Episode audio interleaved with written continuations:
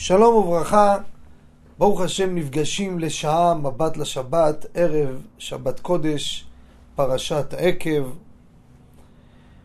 במתכונת שונה מרגילות שלנו, כל שבוע שעתיים בין 10 ל-12, השבוע משום השינוי בתוכניות בימי בין הזמנים, התוכנית תהיה בין 8 ל-9. בעזרת השם, בחודש אלול נחזור למתכונת הרגילה, שעתיים עם מאזינים. בשבוע הזה ושבוע הבא התוכנית תהיה ללא מאזינים, שעה נדבר בהלכה, קצת ענייני הזמן, ובעזרת השם שיתקיים בכולנו וקובע השם יחליפו כוח, כדי שנחזור כבר בחודש אלול, כולנו בעוז ותעצומות. זה חודש עבודה לכולם, כל עם ישראל חוזרים בעוצמות לישיבות, לכוללים, תלמודי תורה, סמינרים. אלו שעובדים, עובדים עוד יותר קשה, צריכים לקום לסליחות, להרבות בתורה, להרבות בצדקה. חודש הרחמים והסליחות. אז בעזרת השם, בחודש אלול נחזור גם אנו למתכונת הרגילה שלנו. כמובן בתחילה נודה לצוות המסור והנפלא. נמצא איתנו יורם יצחק וזנה, צחי אריאל, חפץ השם באדם יצלח להגדיל תורה ולאדירה. התוכנית הזו, בעזרת השם נקצה אותה לשאלות ופרטים מעניינים בדיני ממונות הקשורים דווקא לימי בין הזמנים. אבל לפני כן, אי אפשר לדלג כמה דקות מענייני התקופה. הרי כולם יודעים, מרגישים, שוב אנו נמצאים בטלטלה כלל עולמית, בכמה מישורים, שזה ממש כמה דברים מתבהרים ומתחדדים מיום ליום. אתם יודעים מה קורה בעולם? עשרות מדינות, קודשה ברכו, ממש, ייגע בהרים ויעשנו. כל מיני צונאמי, כל מיני רעידות, כל מיני שריפות, חום, אה, נזקים שהכל רק מאיתו יתברך, רואים מה שקורה בעולם. ופה בארץ הקודש עודם מדברים כמה שחשבנו מה זה היוקר יאמיר כל יום ויום, בכל תחום רבותיי, בכל תחום.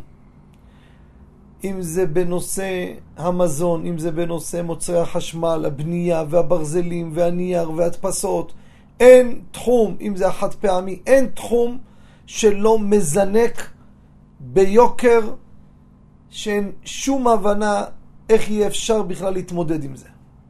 לא חלילה שזה מפחיד אותנו, כן? אז אנחנו נסתפק במועט. אבל אנחנו יודעים שהיוקר יאמיר והגפן תיתן פריה. שלא תחשבו לרגע חלילה וחס שיש מחסור בענבים. שבוע שעבר שמעתי, ענבים 24-26 שקל לקילו. מי חלם זאת? זה לא בא ממקום שיש מחסור. שפע בן פורת יוסף. אבל זה החידוש הגדול שאמרו רבותינו, שבשכל ובטבע אין שום הבנה. היוקר יאמיר והגפן תיתן פריה. אם תיתן פריה, למה יאמיר? הרי אם יש היצע הרבה, אז אוטומט בביקוש המחירים יורדים, כי יש בשפע. וגם בשאר הדברים. אתם חושבים שהסינים יצאו לפנסיה? העולם מייצר, מייצר שעות נוספות, והכל עולה ועולה ועולה. ברור כשמש. זה כבר לא עקבתא דמשיחא, זה ממש פעמי משיח. בפרט שאנחנו רואים איך קודשה ברכו הופך את כל הכדור.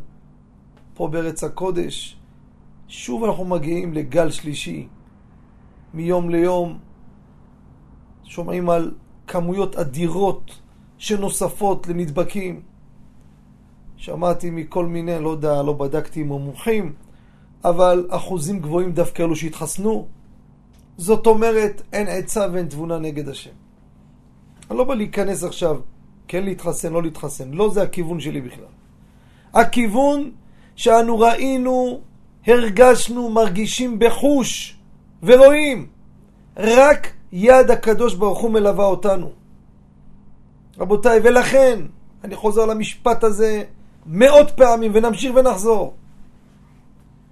לא ניפול ברוחנו, לא נפחד, ויהי מה בעזרת השם, שיהיה רק טוב.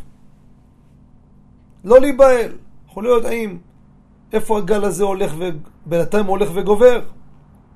גובר. בד בבד שומעים כל מיני תזוזות בכל התחומים, בכל העולם, אבל אנחנו יודעים, ברור לנו כשמש, ברור. ואמת, שאולי יגיד מישהו, כן, אבל... כן, אבל אמרתם כמה פעמים שאנחנו מרגישים שהמשיח מגיע איפה? רבותיי, חשבונות שלנו אנחנו לא יודעים.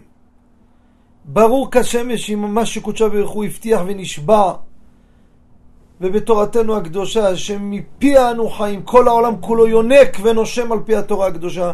את הכל כתבו, הכל מפורש, שחור על גבי לבן. אין לנו ספק. רק מה? האם זה קצת לפה, עוד קצת, עוד קצת יותר מקצת, אבל אנחנו שם. אם הכל היה חוזר רגיל, לשגרה לגמרי רגילה מה שהייתה, אני מבין את מי שקצת מתחיל לפחד, מה, חלילה נדחה? יש שאלה. אני לא אומר שכן. אבל אנחנו לא שם. אנחנו נמצאים. כי הנה החושך יכסה ארץ. וערפי לאומים. מבית ומחוץ. גם בארץ הקודש. תראו בני בליעל. שזה גם במתווה, תראו במשנה מסכת סוטה ובסנהדרין. המלכות תהפך למינות. כל דבר שבקדושה רומסים, לא מאחרי הפרגוד, בריש גלי. כשאתה רואה את הכל, אז אני, סלחו לי שאני אומר את המשפט הזה, אבל, אבל זה, זה המציאות, מה אפשר לעשות? אני לא משחק. לפעמים אתה אומר, שמע, זה מתכונת לשמחה. דוגרי אני אומר. כן. שאל אותי, מה שמחה? תראה מה קורה פה. נכון. אמרנו את זה כבר, גם את זה אמרנו עשרות פעמים. נכון. גם כשאישה בדרך לחדר לידה, וכל הכאב, אנחנו שמחים. ברוך השם, בשעה טובה, בסימן טוב, עוד נשמה באה לעולם. אבל כואב, נכון. ונדמה גם כן. אנחנו לא שותים, אבל בלב שמח. וזה רבותיי, שימו לב, תפסו חזק, כמו שאמרנו ונחזור ונאמר. מה זה נחזור ונאמר? יכול להיות שאנחנו מדברים בעוד כמה דקות, אז לא נחזור ונאמר, אנחנו נהיה במציאות הזו. אתם תראו מה זה אז ימלא שחוק פינו. רבותיי, אנחנו נמצאים ממש, אני אומר לכם, פשוט וברור כאור החמה. אין, אין, אין משהו אחר, רבותיי. זה, זה לא ש... זה, זה, גם אלו ששתקו לפני שנתיים, ו, והיום כל הגדולים והצדיקים ו, והמבינים אומרים את זה בריש גלי. אבל לא צריך שיאמרו רבותינו כבר קדמוננו אמרו את זה, זה דברים פשוטים וברורים. נכון, אמת. עוד קצת כואב, נכון. אבל כשאדם יודע איפה הוא נמצא, הדברים אחרים לגמרי. ולכן, נכון לטלטלה הנקודתית הזו, של ההדבקה הזו, עם כל הסוג השונה, כל מיני שמות שלו, לא משנה. רבותיי, מה שאמרנו, נחזור ונאמר, וזה מה שיהיה. ואני אומר לכם את זה ברור כשמש. ברוך הגבר אשר יפתח בהשם, והיה השם יפתחו. היום יותר קל לפתוח בהשם. בתחילת הקורונה אנשים הרגישו שהעולם כבר השם ישמע. העולם כולו נעצר. בהתחלה, היום עוד איכשהו אנשים חלק לפה, האווירה היא לא פחד כזה נוראי כמו שהיה. ואז הוברר שבלא כצעקתה. ברוך השם, חיים, נושמים, אוכלים, חיים, ברוך השם, הכל בסדר. לכן, ומי שחלילה נקבע לו משהו, הדבר היחיד שיכול להציל אותו זה בכוח הביטחון. לכן, אנחנו רבותיי נמשיך ונתפוס חזק. יש הרבה מה לדבר, הרבה מה לדבר. רק תפתחו בקודשה בריחו. רבותיי, אצל הקדוש ברוך הוא, הכל ממנו, הכל שלו, הכל הוא מניע, הכל הוא עושה. אנחנו כפשוטו, בובות, בובות עם חוטים, לא עושים מעצמנו שום דבר, כלום. לפעמים יש תחושה, בעולם עושה לנו טובה, נותן לנו איזו הרגשה כאילו אנחנו יזמנו משהו, אבל האמת היא שום דבר. אתם יודעים מה? אני אספר לכם סיפור שקרה לנו שבוע שעבר, בין הזמנים. אמרתי, אני אספר את זה בחודש אלול, אבל אני אספר את זה עכשיו. רק תראו כמה קודשה בריחו נותן הכל ממנו, כפשוטו. ואתן לכם דוגמה שפה ודאי אף אחד לא יזקוף ויגיד, הנה, אולי שום דבר. וככה העולם מתנהל, רבותיי. דברים שאנחנו לא רואים אותם. אספר לכם. קהילת אוהל רחל אתם מכירים. בית המדרש אוהל רחל בביתר, שחלק מהמאזינים מחזיק את המקום, את האברכים, אתם מכירים. התארגנו בני הקהילה, האברכים והבנים, בחורים ישיבות שיצאו לבין הזמנים, ילדים תלמודי תורה. התארגנו לצאת לצפון, גם תפילה בקברות צדיקים, גם אטרקציות, ים, קצת, וקובע שהם יחליפו כוח. ברוך השם השגנו חברה של אוטובוס, נתנה לנו מחיר מוזל. לא אספר לכם את כל התהליך, אבל לצאת ולהוציא קהילה גדולה לטיול בצפון, זה עלויות לא קטנות. כל אברך נתן חלק, נסתדלנו מפה משם, ועשינו איזה מהלך, אמרנו, ממש בביטחון בבורא יתברך, יהיה מימון מסוים להוצאות, מותנה בשעות של לימוד בימי בין הזמנים, כמו שביעת בין הזמנים, ו- ונגייס את הכסף. תשמעו טוב. והיה ברור לי כשמש. למען עמלי תורה, יש סייעתא דשמיא מעל הטבע. תשמעו מה היה. אני אומר לכם, רבותיי, סיפור שקשה, מה זה קשה? ודאי שאפשר להאמין לו, הכל אה, אפשר לבוא ולבדוק, אבל איך קרה הדברים, אני עצמי, זה דברים שהם נדירים. תשמעו מה קרה. התוכנית הייתה שאנחנו יוצאים בשתיים וחצי בלילה, יוצאים לכיוון הצפון. נץ ברמים עיר בעל הנס, משם פת שחרית, וכן על זה הדרך. טיול ארוך של 22 שעות, אה, משהו מעניין. שימו לב מה קרה. שתיים ורבע בלילה, שתיים ועשרים, האברכים, תינוקות של בית רבן, כל אחד עם התיקים שלו, עם ארוחת בוקר שלו, עם הסנדוויצ'ים, עם הבגד ים, עם כל מה שצריך. עומדים בפתח של בית המדרש, שם על הכביש, והאוטובוס חנה רחוק, לא להפריע לשכנים, אמר יבוא יאסוף אותם ויוצאים. עובר רכב, 2 ו-20, 2 ו-25 בלילה. עובר אוטו, לא מכירים אותו. עוצר. שלום, מה אתם עושים שעה כזאת פה בכביש? אמרו לו, אנחנו פה קהילה, יוצאים לצפון. יוצאים כל הקהילה לצפון, עם כל האברכים והרבנים, עושים יום אה, תפילה, יום כיף, ככה, ברוך השם. אמר, מי הרב שלכם פה? איפה הרב? אמרו לו, תכנס לבית המדרש, הרב נמצא בפנים. נכנס לבן אדם, שלום, אתה הרב פה? אמרתי לו, כן. רבותיי, אני לא יודע מי הוא, אין לי טלפון שלו. דברים שאומר לכם כהווייתם. אמרתי לו, כן, מה אתה רוצה? אומר, שאלתי בחוץ, אמרו שאתם יוצאים לצפון. אומר, אני רוצה להשתתף בכמה אלפים לתת כדי לממן את הטיול הזה. אני לא האמנתי, אתה תשמע, זה שתיים וחצי בלילה, מאיפה באת? אומר, אל תשאל שאלות. אני עברתי פה, ראיתי את זה, תן לי כמה דקות, אני הולך להוציא את הכסף, לא יודע מאיפה, אין לי טלפון שלו, לא יודע מי האדם, אם אני אראה אותו היום ברחוב, אני לא אזכור את הפרצוף שלו. אני אמרתי, אני אספר את זה, תראו מה זה. אין לאדם, איזה, איזה ביטוי אני אומר. דבר כזה, לא תגיד דיברת עם מישהו, שכנעת אותו, מכיר אותך, שמע אותך פעם, התפעל ממך, כל התירוצים למיניהם, שגם הם לא נכונים בכלל. פה אתה רואה אמצע הלילה, ממתי תורם נוסע באמצע הזה, נופל על מישהו, נותן לו כסף וממשיך הלאה. לא משאיר טלפון אפילו, לא משנה, בלי שאלות. כל טוב להתראות.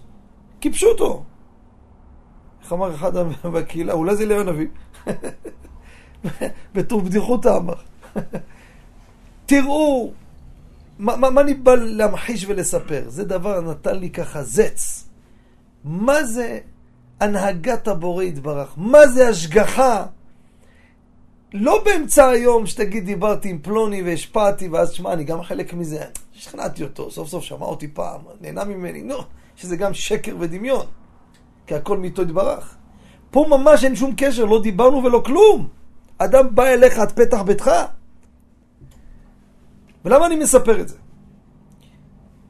אם זה קל וחומר בבינו של קל וחומר, מה ייקבע עם האדם בשוטף שהוא חי ובריא, אם כן ייפגע או לא ייפגע? לשמור, צריך לשמור על פי הכללים, מסכה, איפה שצריך, לפי, לפי מה שבאמת צריך. אבל חלילה וחס, שאדם יהיה בפחד ויחשוש מה וילקט מה, היו לא תהיה. כן, עד כאן נערכנו, יש לנו רק סך הכל שעה, האמת, אבל אני יודע שגם שבוע שעבר לא הייתה תוכנית, הרבה פניות קיבלנו, למה לא זה ולמה לא זה, רוצים חיזוק, אז הנה. זה לפני הכל, כמו שכתוב, דרך ארץ קדמה לתורה, בפרט בתקופה הזו, שזה המצרך הכי חיוני, זה האמונה והביטחון. עכשיו, בעזרת השם, אנחנו ניגש לכמה וכמה פרטים, מה שיספיק הזמן, בנושא ממונות בימי בין הזמנים. דבר ראשון, שנדע, יש הרבה גופי תורה, הרבה הלכות, שגם אנחנו לומדים אותם באמצע השנה, אנחנו יודעים שזה בבחינת נדיר מאוד, דחוק מאוד. מה אתה אומר לי, זה נבלות וטרפות במנגל, מה, מי, חס ושלום, כולנו בתים של תורה, על מה אתה מדבר? גם הולכים לחנוכת בית, אנשים שומרים מסורת, על מה אתה מדבר? וכל מיני, לא אתן דוגמאות בלי סוף. גם כן, בחלום שלי פעם נוציא ספר, כל כולו עוסק בהלכות בין הזמנים. אבל כשמגיע בין הזמנים, מגיע החופש, כולנו נפגשים במקרים האלו הנדירים והמוזרים, ששם צריך לדעת ההלכות האלו. וזה בכל ארבע חלקי שולחן ערוך. ואני בחרתי לנגוע בנושא הממונות. יש המון המון פרטים שאנחנו יכולים לעבור עליהם בלי נשים לב חס ושלום, וחלילה להיכשל בנושא של גזל. דבר ראשון, כלל ראשון שנדע, שימו לב, את הכלל הזה הוא כלל, הוא נשמע פשוט, אבל הוא דוחה הרבה הרבה ספקות והרבה כל מיני הוראות היתר שאין בהם בכלל ממש. צריך לדעת, בעל הממון שאנו נמצאים מולו, לקנות ממנו שירות מסוים, חפץ מסוים, אטרקציה מסוימת, לא משנה מבעל הממון. נחמד, לא נחמד, נצלן, לא דתי, יהודי או גוי, לא משנה. הוא בעל הממון, הוא מחליט לפי מה שמתחשק לו, לפי התנאים שהוא קבע, אנחנו צריכים להתנהל לפי זה. זה כלל ראשון רבותיי. בואו ניגע כמה דוגמאות קיצוניות שהן מעשיות, שהרבה אנשים מהניסיון קצת המועט שאני מדבר עם אנשים, מה פתאום? בואו תראו דוגמה. אדם החליט שהוא יוצא לנופש לבית מלון. זה הזמן, בין הזמנים. לא משנה איזה מלון. משפחה, בן פורת יוסף, לקח יומיים, שלושה, סכומים גדולים מאוד. הרבה אנשים מספרים שהם צריכים הרבה, זמן לכסות את החור הזה, את החוב הזה של ההוצאה הגדולה הזו של המלון. הוצאת הרבה כסף. יורדים לחדר אוכל, נכנסים לחדר אוכל. יש ארוחת בוקר. יש ארוחת בוקר וארוחת ערב. ארוחת בוקר. הילד הקטן לא רוצה לאכול. לא רוצה לאכול. אמא שלו צועקת לו, מה לא תאכל? אין, אנחנו נמצאים פה בים המלח, נמצאים באיזה חור, אין איפה לקנות לך אוכל. אם לא תאכל עכשיו עד שבע בערב, לא תאכל לאכול, מה אני עושה איתו? לא רוצה לאכול. או ילד אכל שטויות. קח איזה שוקו ואיזה שטות, אתה יודע, גברת עוד שעה הוא יהיה רעב, מה עושים?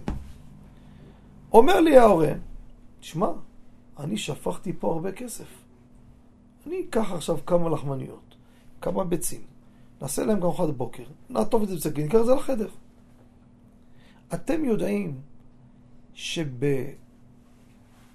הייתי אומר, לומר הכל אני לא יכול להגיד, לא הייתי בהכל ולא בדקתי את כולם, אבל זה הקו הכללי ברור, שיש הוראה ברורה, אין להוציא אוכל מחדר אוכל. נקודה. לא רלוונטי אם זה מוצדק, לא מוצדק, זה נצלני, מה לקחתי? שמתי פה 17,000 שקל, על מה אתה מדבר? תופסים אותי פה על 3 שקל? חוצפה, נצלנות, לא משנה.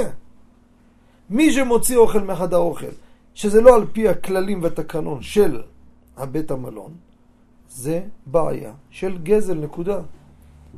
מה עושים? פונים לאחראי של חדר אוכל, לא צריך להגיע לבעל הרשת.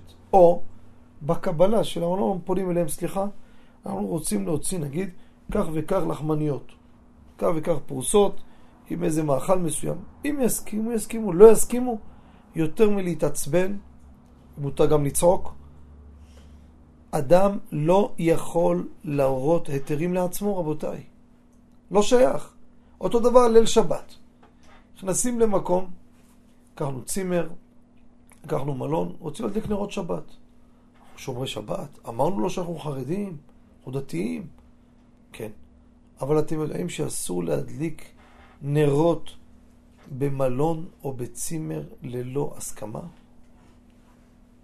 ורוב ככל המקומות יעלו שמיים, ירדו תאומות, לא תהיה הסכמה. לא מסכימים.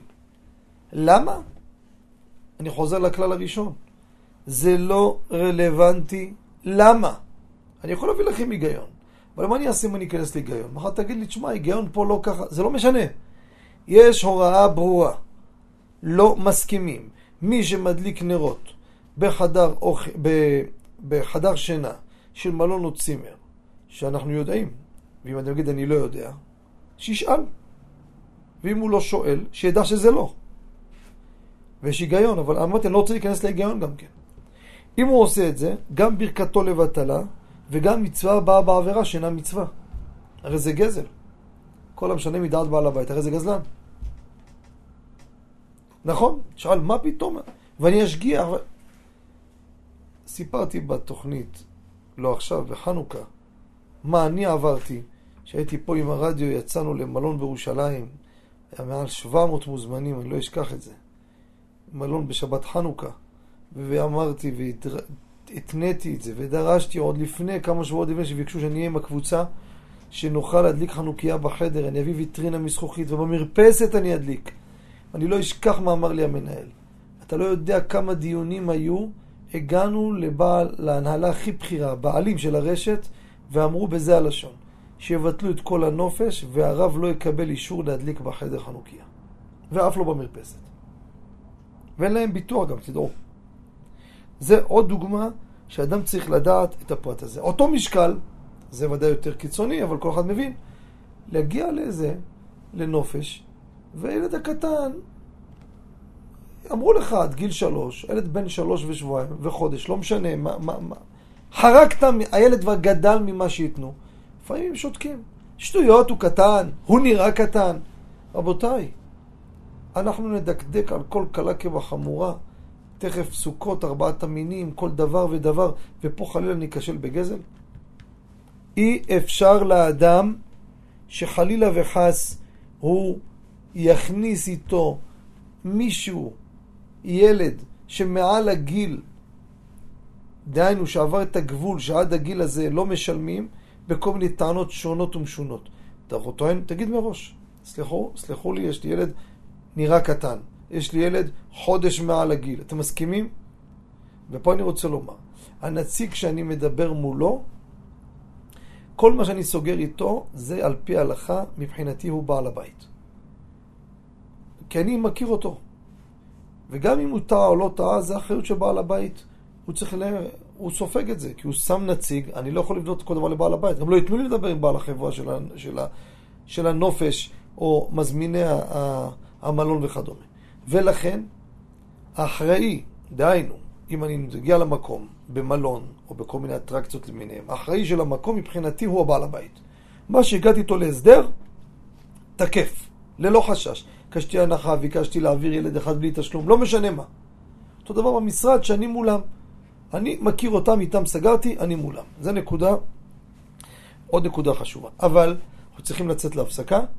מיד לאחר ההפסקה אנחנו נמשיך בעוד ועוד פרטים בנושא אה, ממונות הקשורים לימי בין הזמנים. נצא להפסקה ונשוב עליכם תקף ומיד בבקשה. שבנו מההפסקה, אנחנו נמצאים בתוכנית מבט לשבת, ערב שבת קודש, פרשת עקב, מתכונת שונה מהמתכונת הרגילה, משום שאנו נמצאים בימי בין הזמנים. התוכנית היא שעה בלבד, ללא מאזינים, גם שבוע הבא כך יהיה בעזרת השם. חודש אלול, אנחנו נחזור לתוכנית הרגילה עם המאזינים הנפלאים שלנו, ובחרנו לעסוק בדיני ממונות בימי בין הזמנים, אבל לפני שנמשיך, קטע חשוב שכחתי לומר אותו בתחילת התוכנית, כי דיברנו קצת חיזוק בענייני התקופה, הנושא של זמני התפילות. בפרט שרבים רבים נכנסים לבידודים, ויש לנו בבית המדרש, אוהל רחל ביתר עילית, ממשיכים לתת את התפילות דרך קו הטלפון. אתן לכם את המספר, את השעות של התפילות, הזמנים של העמידות בשבת קודש הקרובה, כדי שאלו שאנוסים יוכלו להיות איתנו בטלפון או בשבת, יכוונו את העמידות לפי הזמנים, כפי שאני אתן לכם. מספר טלפון 077 5 פעמים 2 1 1 בשלוחה אחת. אני חוזר שוב על המספר 077 22 22 2 1 1 שלוחה אחת זה שלוחת שידור חי של התפילות. בימי בין הזמנים עד ראש חודש אלול בעזרת השם, כל יום תפילת שחרית בשעה שמונה, מנחה שבע וחצי, ערבית סמוך, לאחר מכן שיעור בהלכה ובדברי אגדה. מחר בעזרת השם, יום שישי, מנחה תהיה פלג המנחה בקו הטלפון בשעה שש ורבע מנחה, ערבית ראשונה עמידה בשעה רבע לשבע, ערבית שנייה עמידה בשעה שמונה ועשרים, מנחה של שבת, סליחה, שחרית של שבת, עמידה בשעה תשע, עמידה של מוסף בשעה עשר, עמידה של מנחה בשעה שבע, ערבית מוצאי שבת בקו הטלפון לאחר אמירת המבדיל מקודש לחול בשעה שמונה ורבע לדוד ברוך השם צורי. זה לאחר מכן חבורת הרשב"י קוראים את הזוהר דרבי שמעון בר יוחאי יחד עם המאזינים כמנהג אבותינו וקדמוננו. זה עד כאן זמני התפילות בקצרה. אנחנו עסקנו בכמה פרטים בזהירות בדיני ממונות, בנופשים, אם זה בתי מלון, צימרים, ואתן עוד כמה דוגמאות קטנות לפני שניגע בעוד דיני ממונות בלא מלון, אלא בכל מיני אטרקציות שונות שכולם יוצאים לכל מיני מקומות שצריך לשים לב לדבר הזה. יש עוד פרט בבתי מלון, פעמים מפרסמים שמביאים זמר או קוסם וכדומה, ויש כאלו שקוראים אה, לבני משפחה, לידידים, תבואו לבקר, תבואו בשמונה בערב, יהיה פה זמר גדול, תהיו איתנו במופע, או יביאו איזה דרשן, תבואו, תהיו איתנו. רבותיי, צריך לדעת, לשים לב לדבר, לפעמים זה בא שאנשים לא שמים לב. הכניסה למקומות האלו ללא אישור מבעל הנופש זה גזל גמור. רבותיי, ללא פשרות, זה דברים פשוטים וברורים. זה דבר שעולה כסף. להביא קוסם זה עולה כסף. עולה כסף. זה ניתן עבור אלו ששילמו. קנו, קנו נופש, נתנו להם גם כן תעסוקה וכל מיני אה, בילויים, ככה להנעים להם את הזמן. מי שלא נמצא מהמקום, אומרת, האדם הזה בא והוא רוצה ליהנות מדבר שעולה כסף. ואם יגיד, אבל כל מקרה הוא שילם. כל מקרה כבר הוא מדבר, כל מקרה, אין מושג כזה בהלכה כל מקרה. בדבר שעומד לשכר, אין מושג כזה, זה נהנה וזה לא חסר. כלל שתדעו. שאם לא כן, בוא נעלה לאוטובוס בחינם. כל מקרה הוא נוסע. כל מקרה יש לו נוסעים. מה זה כל מקרה? זה דבר שעומד לשכר. יש דבר שלא עומד לשכר, ואין בו שימוש כרגע. פה אני אומר כופין על מידת סדום. אתה לא זה, ולא מזכיר את זה, ולא כלום. יש פה אדם זקוק, תן לו. אבל פה זה לא הסיפור. זה דבר שעולה תשלום.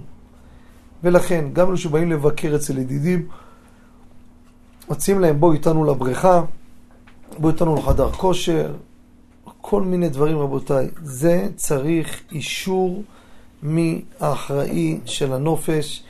אם לא כן, חלילה וחס, גם בזה נכשלים בעניין של גזל. עכשיו, אני רוצה לנגוע בנושא אחר לגמרי.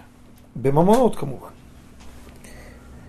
כולנו יוצאים, ברוך השם, למקומות, לפארקים, לגנים, לפעמים שיט בסירות, לפעמים זה כל מיני דברים למיניהם.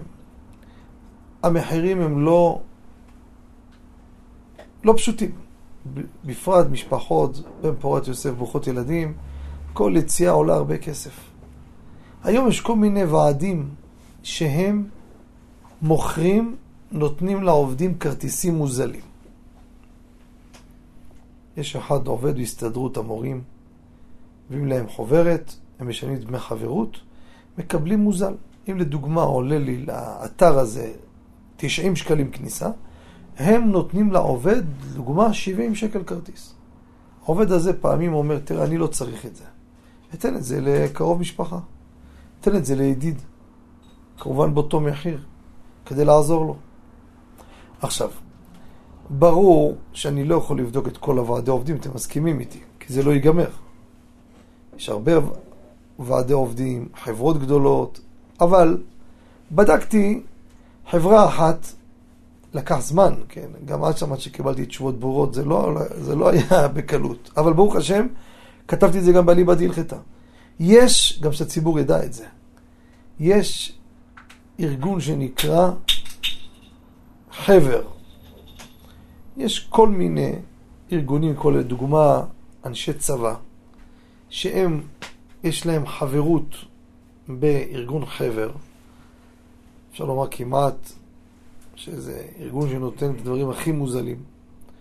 ואדם לפעמים מכיר מישהו, ידיד, קרוב, שכן, מהבית כנסת, מהשכונה, איש צבא, אפילו פנסיונר של קבע וכדומה. והוא רוצה לבקש ממנו, תראה, יש עכשיו דוגמה לפארק מסוים, כמובן הכל בכשרות, צניעות, עולה לדוגמה 80 שקלים כניסה, הם מקבלים את זה ב-50 שקלים. מוגבל לכמה כרטיסים, לכל אדם. אבל אומר אותו אדם, תראה, אני לא משתמש בזה. אצלנו לא הולכים לדברים האלו. האם אני יכול לבקש ממנו שהוא יקנה ואני אשלם לו? בלי לעשות ביזנס, לעזור לי. האם מותר או אסור? האם ההטבה היא דווקא לאותו אדם בלי להעביר אותה לאחרים, או שאפשר? אז אני רוצה לומר לכם בצורה ברורה, רבותיי. מי שמשיג ממישהו שהוא חבר בארגון חבר, הוא יכול לרכוש כרטיסים, כל ההטבות שהם נותנים, ואין בזה שום חשש של גזל. לאחר בירור עם הבכירים שלהם, ולכן, אני גם ממליץ, תורה חסה על ממונם של ישראל.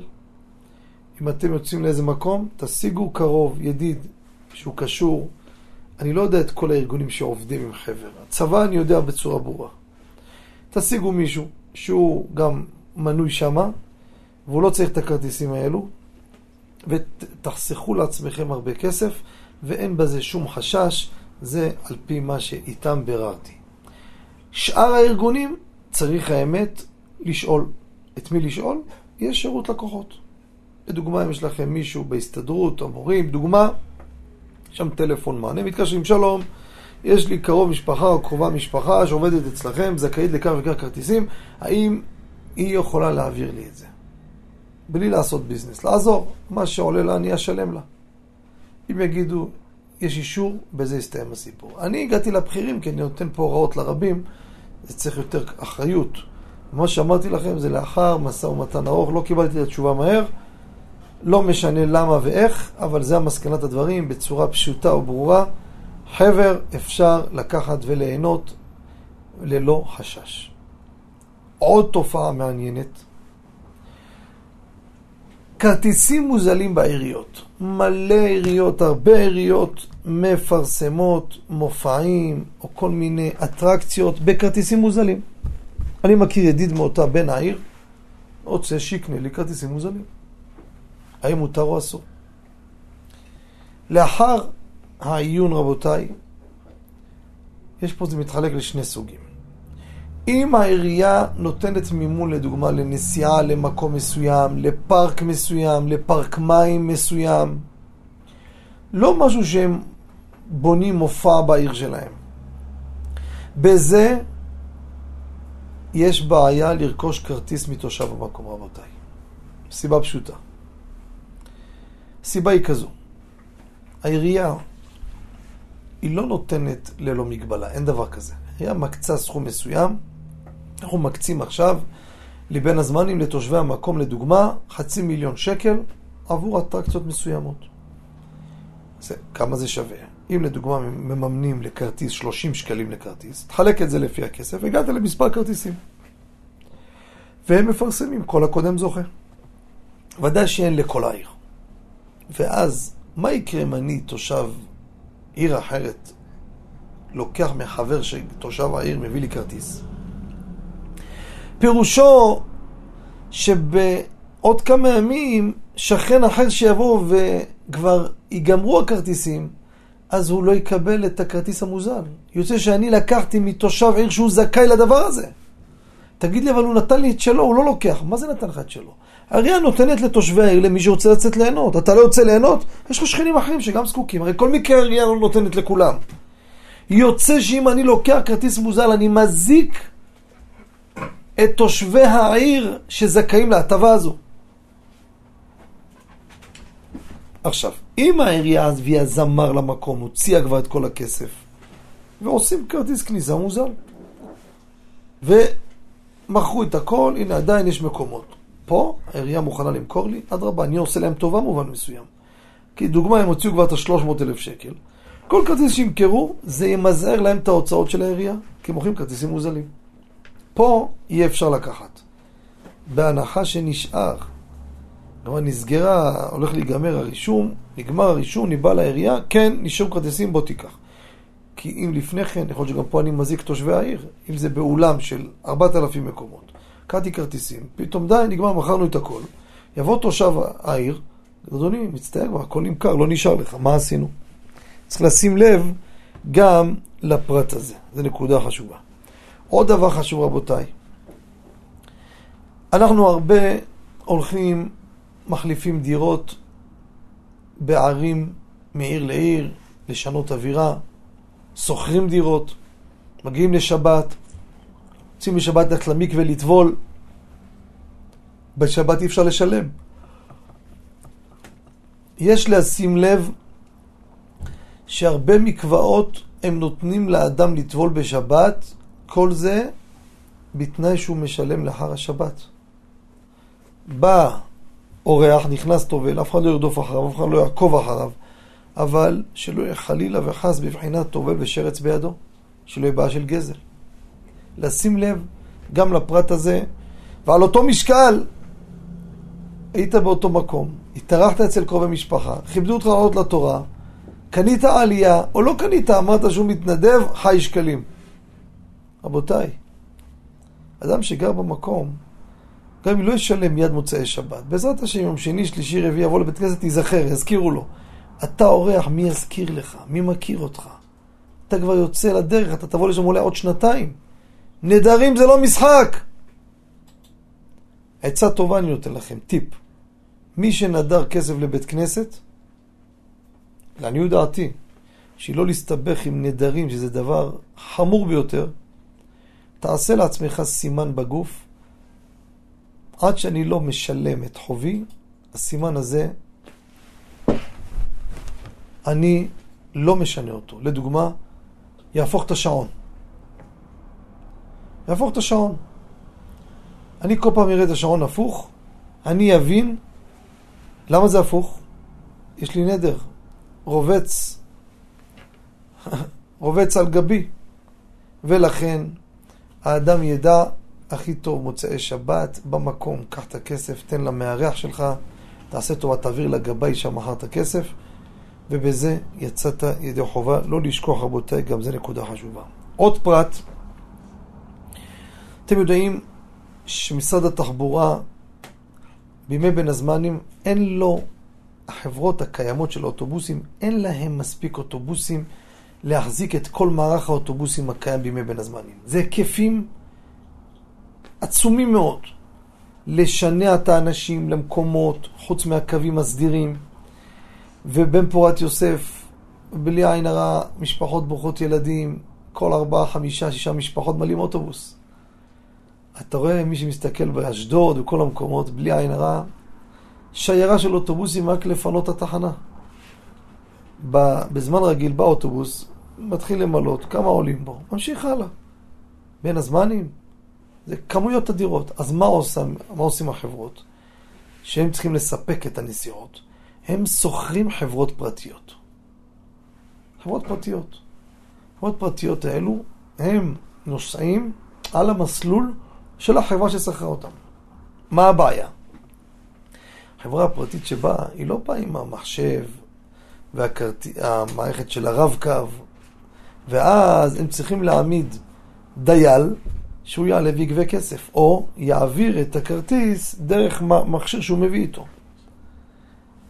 ואני רוצה לומר לכם, פעמים מרוב העומס שמעמיסים על הכבישים, והעובד לא מצליח להשתלט על עומס גדול, נוצר מצב שמשחררים כמה אוטובוסים, צאו לדרך, והנוסעים לא שילמו. ופה יש שאלה, האם חייב לשלם או לא? אני באתי לשלם. לא לקחתם ממני, מה אתם רוצים שאני אעשה? אז בעבר דיברנו כמה פעמים, לאחר בדיקה גם כן, בלשון החוק של משרד התחבורה, איך עובד במקרה של תקלה וכדומה. אבל באגד למשל, יש לי בידי מסמך שאחד המאזינים פנה אליהם וביקש את זה רשמי, שלח לי את זה, שזה מסמך רשמי של חברת אגד, אנחנו עובדים מולם, עם כל הכבוד שזה סבסידיה של משרד התחבורה, שהסברנו בעבר איך זה עובד כל מערך הנסיעות, אבל אני מול אגד. בפשטות באגד אין חובה לשלם לאחר מכן. שאר הקווים אין, לא מצאתי, אני מדגיש, על פי חוק לא ראיתי פטור מתשלום. הם חייבים לקחת אותך, אבל להיות פטור מתשלום, אין בחוק פטור. פניתי לחבר כנסת כמה פעמים מיהדות התורה, בזמנו, שישנה בחוק שם מילה אחת, אמר לי כן, כן, כן, נעשה, נעשה, לצערי לא עשו כלום. אמ, לומר שאתם גוזלים את החברה, ודאי אתם לא גוזלים את החברה, זה מקסימום לוקחים ממשרד התחבורה, ולכן ראוי מאוד לומר נחרצות, לחייב, אני, אתם שומעים בין המילים שלי שאני לא חותך לא לפה ולא לשם, אבל אנחנו מגיעים לסיומה של התוכנית. שעה עפה לה, ככה זה שיעורי תורה. אתה בא לשיעור, אתה עוד לא מסתכל, מה, נגמר שעה, שעה וחצי, לא יכול להיות. תמיד נעים איתכם מאזינים, תמשיכו ליהנות, להשתולל, וקובע שהם יחליפו כוח, בפרט לומדי התורה, מחזיקי העולם. אתם מחזיקים את הפלנטה, לא רק את מדינת ישראל, שזה ודאי מהצד אנחנו מחזיקים אותה. את כל כדור הארץ אנחנו מחזיקים. רק מה, זה חלק מהגלות שהם לא מעריכים ולא רואים ולא יודעים. אבל זה לא אומר אם הם לא רואים ולא מעריכים שזה לא נכון. ולכן, תמשיכו בעזרת השם וקובעי השם יחליפו כוח, שיהיה הצלחה וברכה. תודה לצוות המסור, יורם יצחק וזנה, צחי אריאל, חפץ השם באדם יצטרך להגדיל תורה ולאדירה, ונשתמע בשבוע הבא. שבת שלום וכל טוב.